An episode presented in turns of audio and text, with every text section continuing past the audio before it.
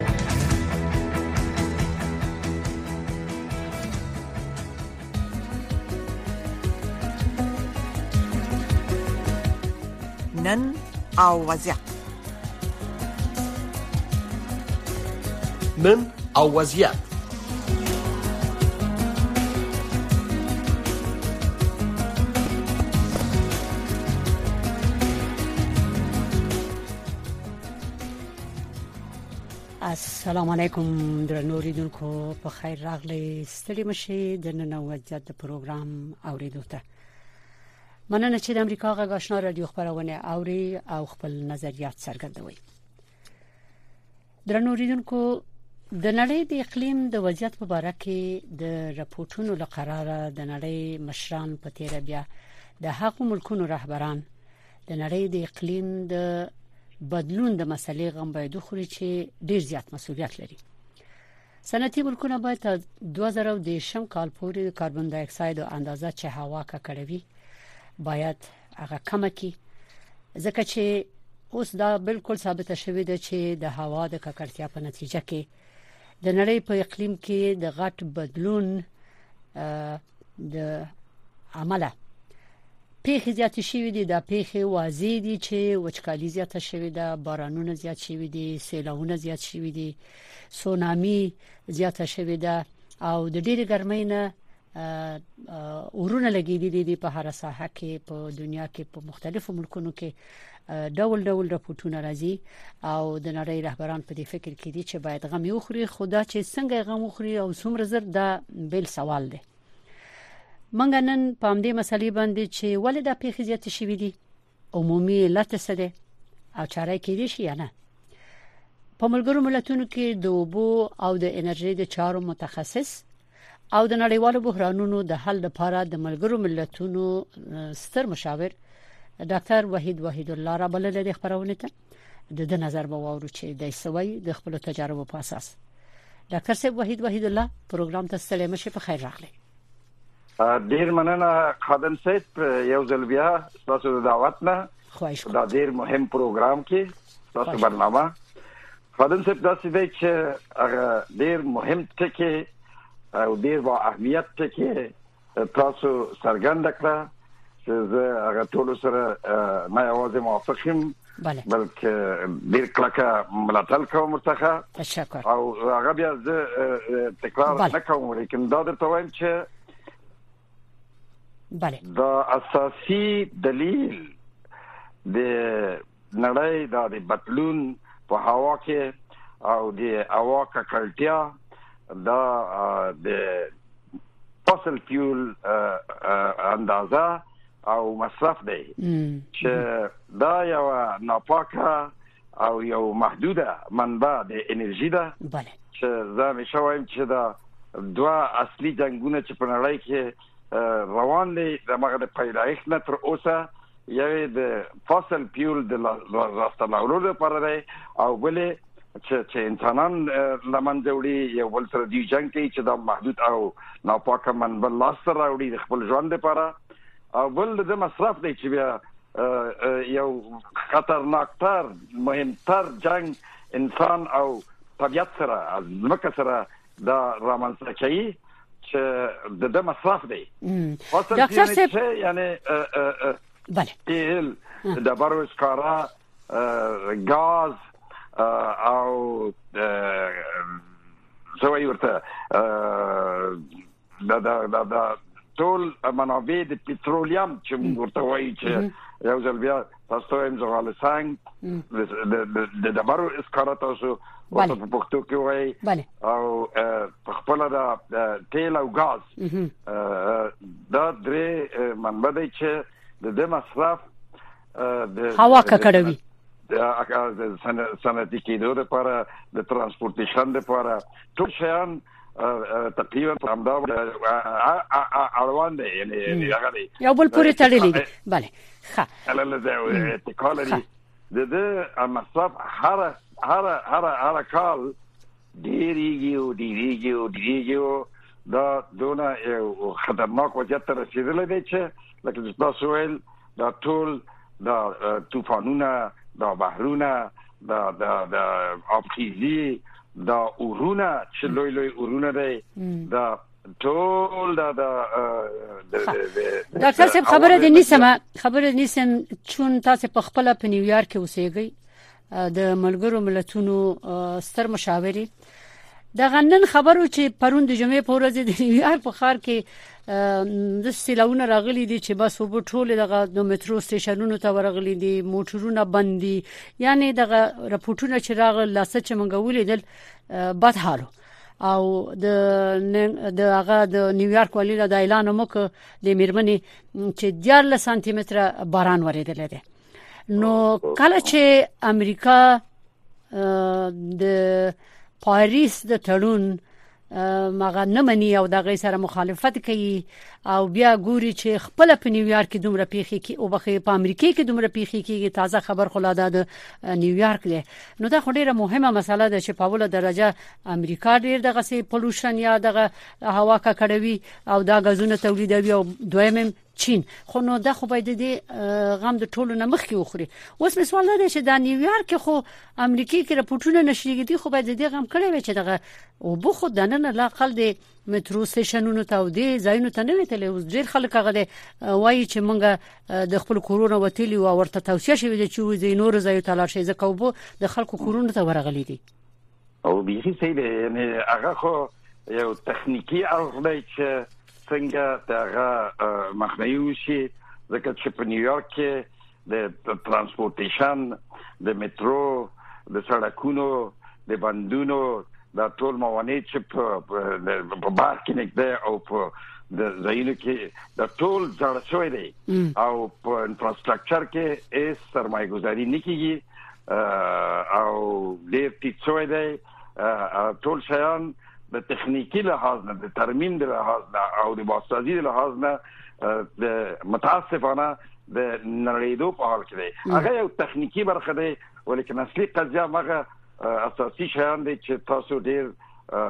عالمانه هغه ته اشاره وکړه په د پروګرام په لغه کې اوس وګورئ چې زه درته یو ایسایا ورکوم خادم صاحب تاسو ته تقریبا په نیویارک کې یوازې په نیویارک کې چې دلته تقریبا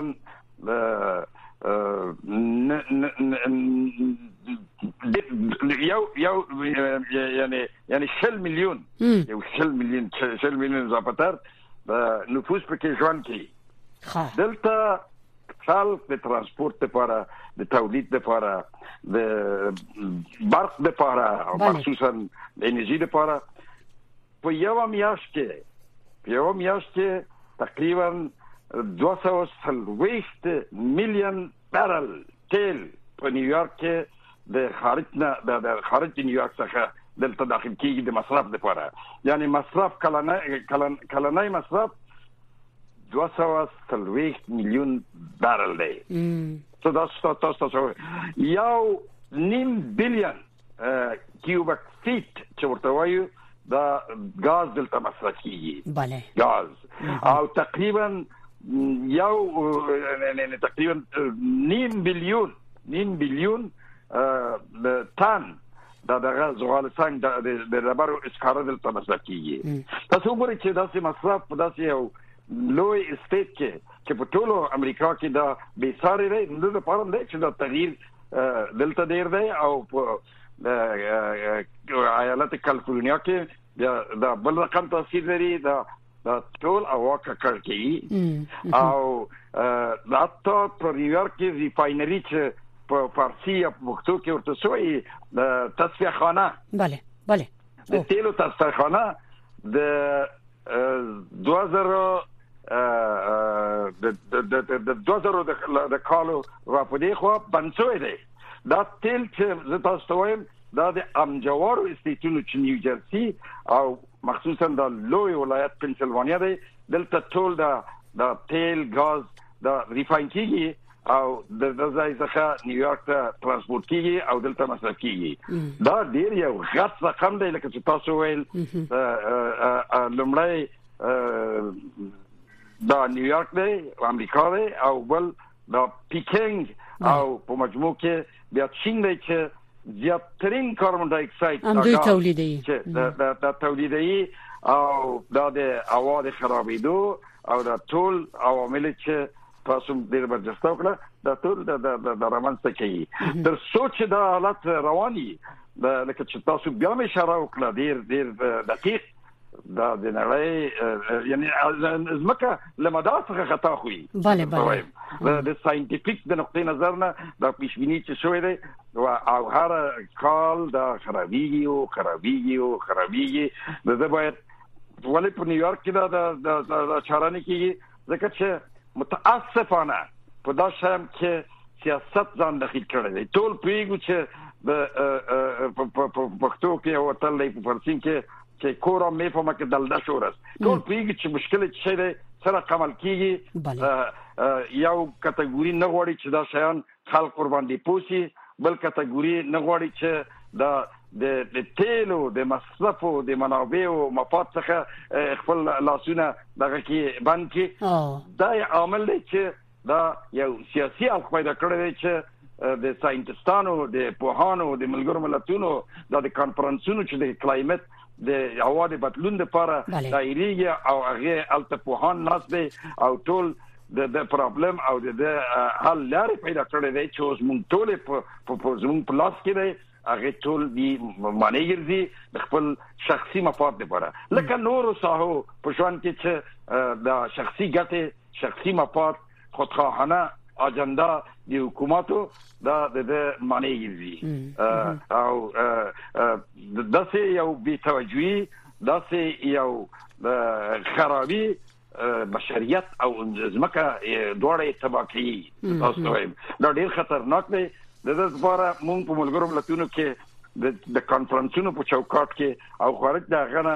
د دې لپاره چې دا سیاستمداران او دا د تیلو ټیکداران او د فوسل فیول ټیکداران چې د سکاره ډبرې دی او تیل دی او غاز دی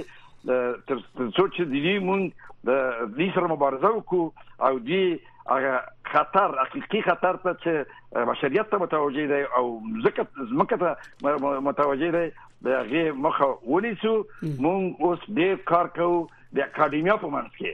یعنی په یونیورسيټو کې په د شاګردانو په منځ کې د د ټینګ ټانکونو کې چې د انرژي په اړه کار کوي تر څو چې دی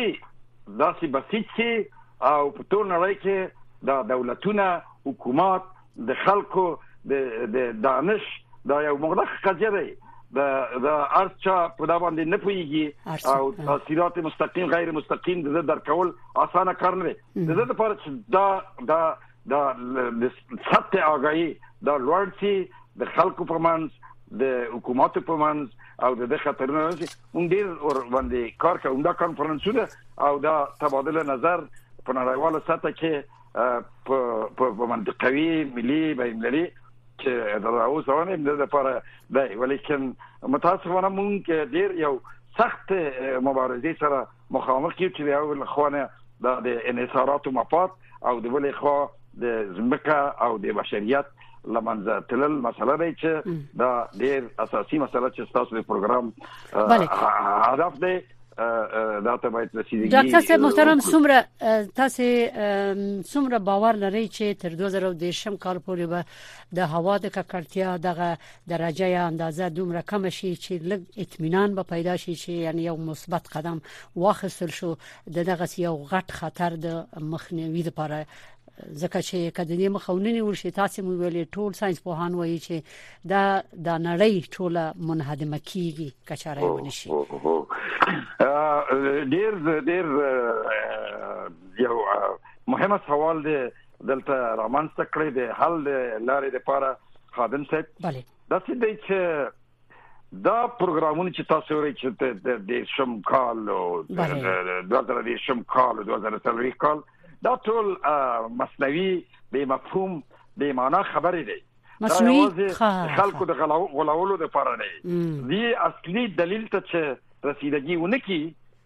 دا د انرژي د مصرف کمیدو د ته پاتې کیږي چې ته یو یو یو یو حیوان او یو نبات ته غذا ورنه کې خوغه بډیږي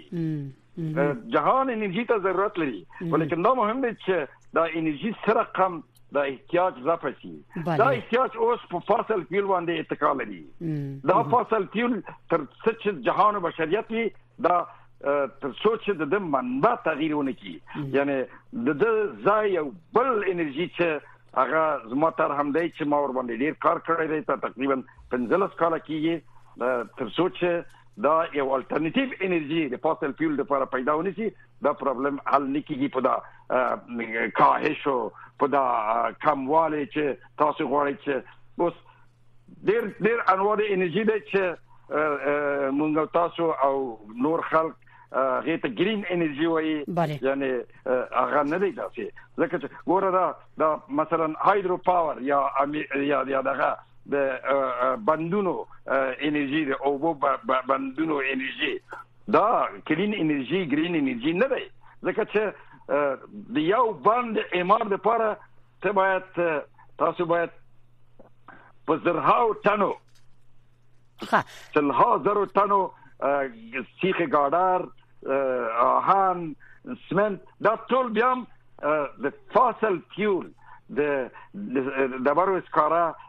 د تیل او د غاز په واسطه دا تولیدېږي نو چیرته یې ده یا مثلا دا برقي موټرونه دی جوړ کړی دی یا برقي وسایل جوړ کړی دی چې د په تولید خپل د همدغه انرژي لګيږي بیرته د هوا کا دا انرژي چې بیا دا برقي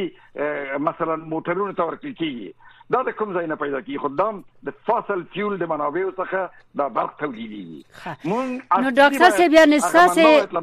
یعنی ډاکټر صاحب ساسه نظر دا دی چې د دې هوا د بیرته پاکیدو لپاره یا د دې ککړتیا لاقل د کمیدو لپاره باید داسې انرژي وي چې هغه کثافت تولید نکړي نو هغه چې د باد نه انرژي تولیدېږي هغه نه ده مثلا د اونوبونه چې تولیدېږي هغه نه ده د ډبرو سکرو خو نه ده چې نه ده او د غازو د پټرول خو بيخي نه ده نو خیر کومه انرژي ده اتومي انرژي یادوي کومه انرژي یادوي چې دا جهان پاک شي دا هوا پاک شي اقلیم نور پسې خراب نشي ډیر یو معلومدار منبع د انرژي دی ها چې لکه چې ماتاستویل زه په خپل یو ډیر غختلې د ساين پوهانو د ساينټستانو ټیم لرم چې ور باندې مونږ کار کوو او هغه مونږ داسې حتی د د د د سولر انرژي چې زمکه ته راځي د پانلونه ورته جوړيږي کنه دا شان دا ټول بیا هم د فاصل فیو واسطه باید د منابع څخه د شیان باید جوړ شي هغه حتی د لمر انرژي هغه هم چاره نشته مونږ چې ټول متحده کړی دا نتیجې ته ورسېدو او اوس خوشبختانه مونږ ټول د حل لارې پیدا کړې دي د ساينټیفیک د لحاظ نه چې کچې شه د دا لار ډاکټر صاحب دا دا دا دا دا چې مونږ د په اتموسفیر کې زه باید دا غیر ساده تشریح کوم چې معلومدار اوریدونکو دا مغلق شای باید پوښیږي هدف دا دی چې فاسل فیول یعنی غال سنگ غاز پترول او د اسکاره د ډبره پترول پترول آیل دا باید که تعویض شي کنه تر څو چې دا تعویض نشي دا ټول شکلونه چې تاسو ویل هغه هیڅ کله تغییر نه کوي تعویض معنا د دې په شی د لپاره دا دی چې باید چې باید چې دا د لمر انرژي مونږ یوازنۍ لاره چې پیدا کړی چې د لمر انرژي د اتموسفیر څخه ځمکې ته مخابره کو او دا د یو فرستنده په واسطه په پښتو کې د ورته شوی فرستنده یعنی ترانسمیټر په واسطه د ساتلایت نه چې په اتموسفیر کې تابع کیږي ساتلایتونه انرژي د مایکروویو په واسطه کې مخابره کوي ځمکې ته او انرژي په ځمکه همغه وسایل ته رسیږي مستقیما بل دینه چې د کوم بر شبکې بل دینه چې شپوي ورځي موسم یې خرابي باراني برپي هر څه چې هیڅ هیڅ ته په کور کې ناست یې دننه انرژي درته مقابله کیږي هغه وسیله چې برق ته ضرورت لري او هغه د لمر انرژي دی سولر انرژي دی چې د اتموسفیر نه راځي او هغه یو نامحدود لا یتنایی پاک او د نخلاصیدونکو منبع د انرژي دی چې تر څو چې ژوند دی او لمر دی او زمکه دی او اسمان دی هغه درته کار ورکړي صحیح او هغه ارچې ته زی کپ افریقای کپ آسیای کپ داراو کپ ملکونو دا دوا جنگونه لمنځه وړي ځکه چې متخصص خاصلا د کانفلیکټ منیجمنت دی یا حل فصل بحرانات منطقي چې دا شی سره ډیر ارتباط لري چې دا هغه اساسي منبع د جنگ امدا فاصل فیول دی چې د لاس راولو لپاره خلک یو بل لمنځه وړي او مصرف دي د یو بل جنگ رامنځته کوي د انسانانو او د زمکه ترمنځ دواړه لمنځ زی پیشرفت راځي انکشاف راځي ترقی راځي پولوشن لمنځ زی زمکه پروټیکټ کیږي یعنی حفاظت کیږي اتموسفیر هوا حفاظت کیږي دا ټول شیان حل فصل کیږي د انرژي چې مونږ ټول کړی یو ساتلایت ساتلایت مو جوړ کړی دی انرژي مو حتی خطرات جانبي دي د سنجل شوی چې په صحت باندې په هوا باندې په فضا باندې ټول شان تکمیل دی ډاکټر صاحب محترم دا خو خبره شو د تخنیکی اړخ ته به نه ورزو ځکه مونږه د تخنیکی مسایل باندې دور نه پیګو او ریدونکو ته به هم مشکل وي خو په یو شی باندې شاید ټول غړي پوه شي هغه دا چې دغه سي پاکه انرژي لکه لمر چې ده چې ارچا ته ورسیږي مفت ده دا د لمر که په پیسو وې نو بیا به ډیر مشکل وي لمر خو مفت دی باران مفت دی چې د چوريږي رومانس کېده او جنگونه پر هغه باندې ښه یعنی باران امر چې چې کیږي مفت دی د انسانانو لپاره لمر هم چې انسانان تنه استفاده کوي د زراعت لپاره د هر شي لپاره ژوند ورپورې مربوط دی دم مفت دی اوس چې د لمر نه د انرژي تولیدېږي نو دا بم د انسانانو د پاره یو به هوا پاک شي بل به انسانانو ته مفت وي که د کې بم بیا د مصارف راځي چې مونږه ته سټلایټ جوړ کړی دی او سټلایټ دومره موږ ته تمام شوی دی د ملکونو د حکومتونو د سیاست په سره کم ویدي برخه کې چې جهان د دې وچکالۍ نه او بخی چې جهان د دې وچکالۍ نه خلاصي د دې سیلاونو نه خلاصي دغه سي هغه سونامي غانې چې راتلې چې راپورټونه دې نشر شوی دي چې هغه نه خلاص شي یعنی د انسانانو او د زمکه او د زمکه په سر باندې حیات تضمین شي یعنی زه نه پوهیږم چې په کوم ژبه دا استاسو دا دقیق سوالونه چې مطرح کوي او مرتبط په کومه ژبه دغه څه قدردانی کوم خادم ته چې دا زما کار ډیر آسان کوي چې زه دا تشریح کوم بیخي صحیح دی کدا صحیح معنی چونه چې او د لمر د انرژي راوستول د هغه ځای نه په سټلایټ په واسطه چې اساسي مصرف د سټلایټونو جوړول دی او تابع کول دی بیا پرابلم نه ختميږي بیا پر انرژي باندې بیا سیستم د لپاره بون داسې د تخنیکی اداری او توزیع لپاره ډیر یو معقول سیستم ورته مونږ سنجش کړی دی هغه دا دی چې د هر ملک د هر ملک جی ډی پی یعنی هغه عاید سرانه بله. یو فیصدی یو سازمان ته ورکړي چې د نړیوالې انرژي سازمان ورته وایي چې ساتلایتونه جوړوي او هغه ساتلایت جوړوي او بیا دلته مخابره کوي او دا په ځمکه کې د چا لپاره نه خرڅول کیږي یعنی مفت وي مفت وي یعنی معلوم نور دا سازمان د کوادونو څخه د هغه د جی ډی پی څخه یعنی د سالانه لکه چې موږ اوس په ملل متحد کې داسې یو بودجه لرو چې هر کال یو فیصدي اخلو او د خپل مصارف د ساتلایت د جوړولو لپاره چې یو معلومدار ارزانه پروسس نه دی بله یو سل درې نیوي ایوادونه پکې سهم اخلي او د ډیر مهم او کارا او ډیر مسلکی کارپوهانو سازمان دی چې دا شیان د اداري د سیاسي د اقتصادي د ټول شان ورته سنجول سنجول شوی چې زه په خپل د د کار ډاکټر صاحب دا څه وخت به میسر شي دا دغه ولیکن یو انرژي باید دلته علاوه کوم چې بیا هغه هغه چې په وسایلو کې چې انرژي ورته رسیږي کنه هغه قیمت دی هغه وسایل بیا د کمپنی هغه کمپنی غاړي چې د د د تولید کوي هغه ته ارتباط لري ولیکن هغه ټاکس موږ درځي ځکه چې دا مفهوم دا اختراع زموږ نه کنه چې دا سازمان ته باید رسول شي ډاکټر صاحب یعنی فکر کوي فکر کوي چې د دې انرژي په تولید سره به چې جهان ته ګټه رسیږي د دغه سي طوفانونو سیلاوونو بارانونو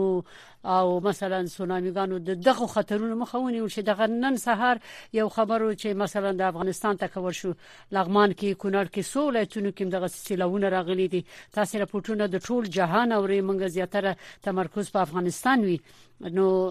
او دې کې انسانان لمنځي مثلا زراعت لمنځي حیوانات لمنځي زمکه بلکل خرابيږي هغه هغه هغه مفیده برخه هغه خاور چې هغه خرابيږي زما سوال ده چې کېدای شي د دې نه انسانان څومره وخت بعد استفاده وکړي زه تاسو ته وایم چې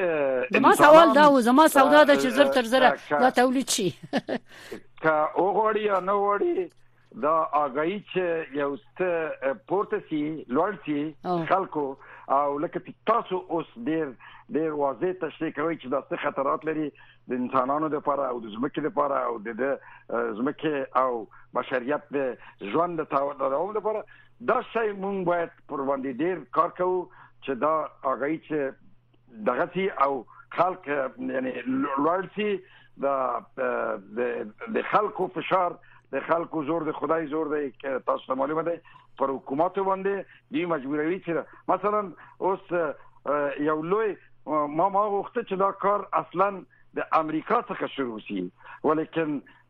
امریکا ډیر ټی ټیل او غازو ډبرو اسکاله لري ډیر په دا شای کې د انحصارات حکومت خپل ګټه نیوي برعکس دی د کانسپټ یا د هدف د نوې انرژي چې موږ یو کړو د سره مخالفت کوي ظاهر ظاهرا حمایت کوي ولیکن شاپ شاپوره د مخالف دی لکه امریکا غوندې د نورو صنعتي پیشرفته هیوادونه لکه د خلیج لکه د مخصوصا روسیا او د هغه په خوانی اخبار چې دا ټول دا طرح سره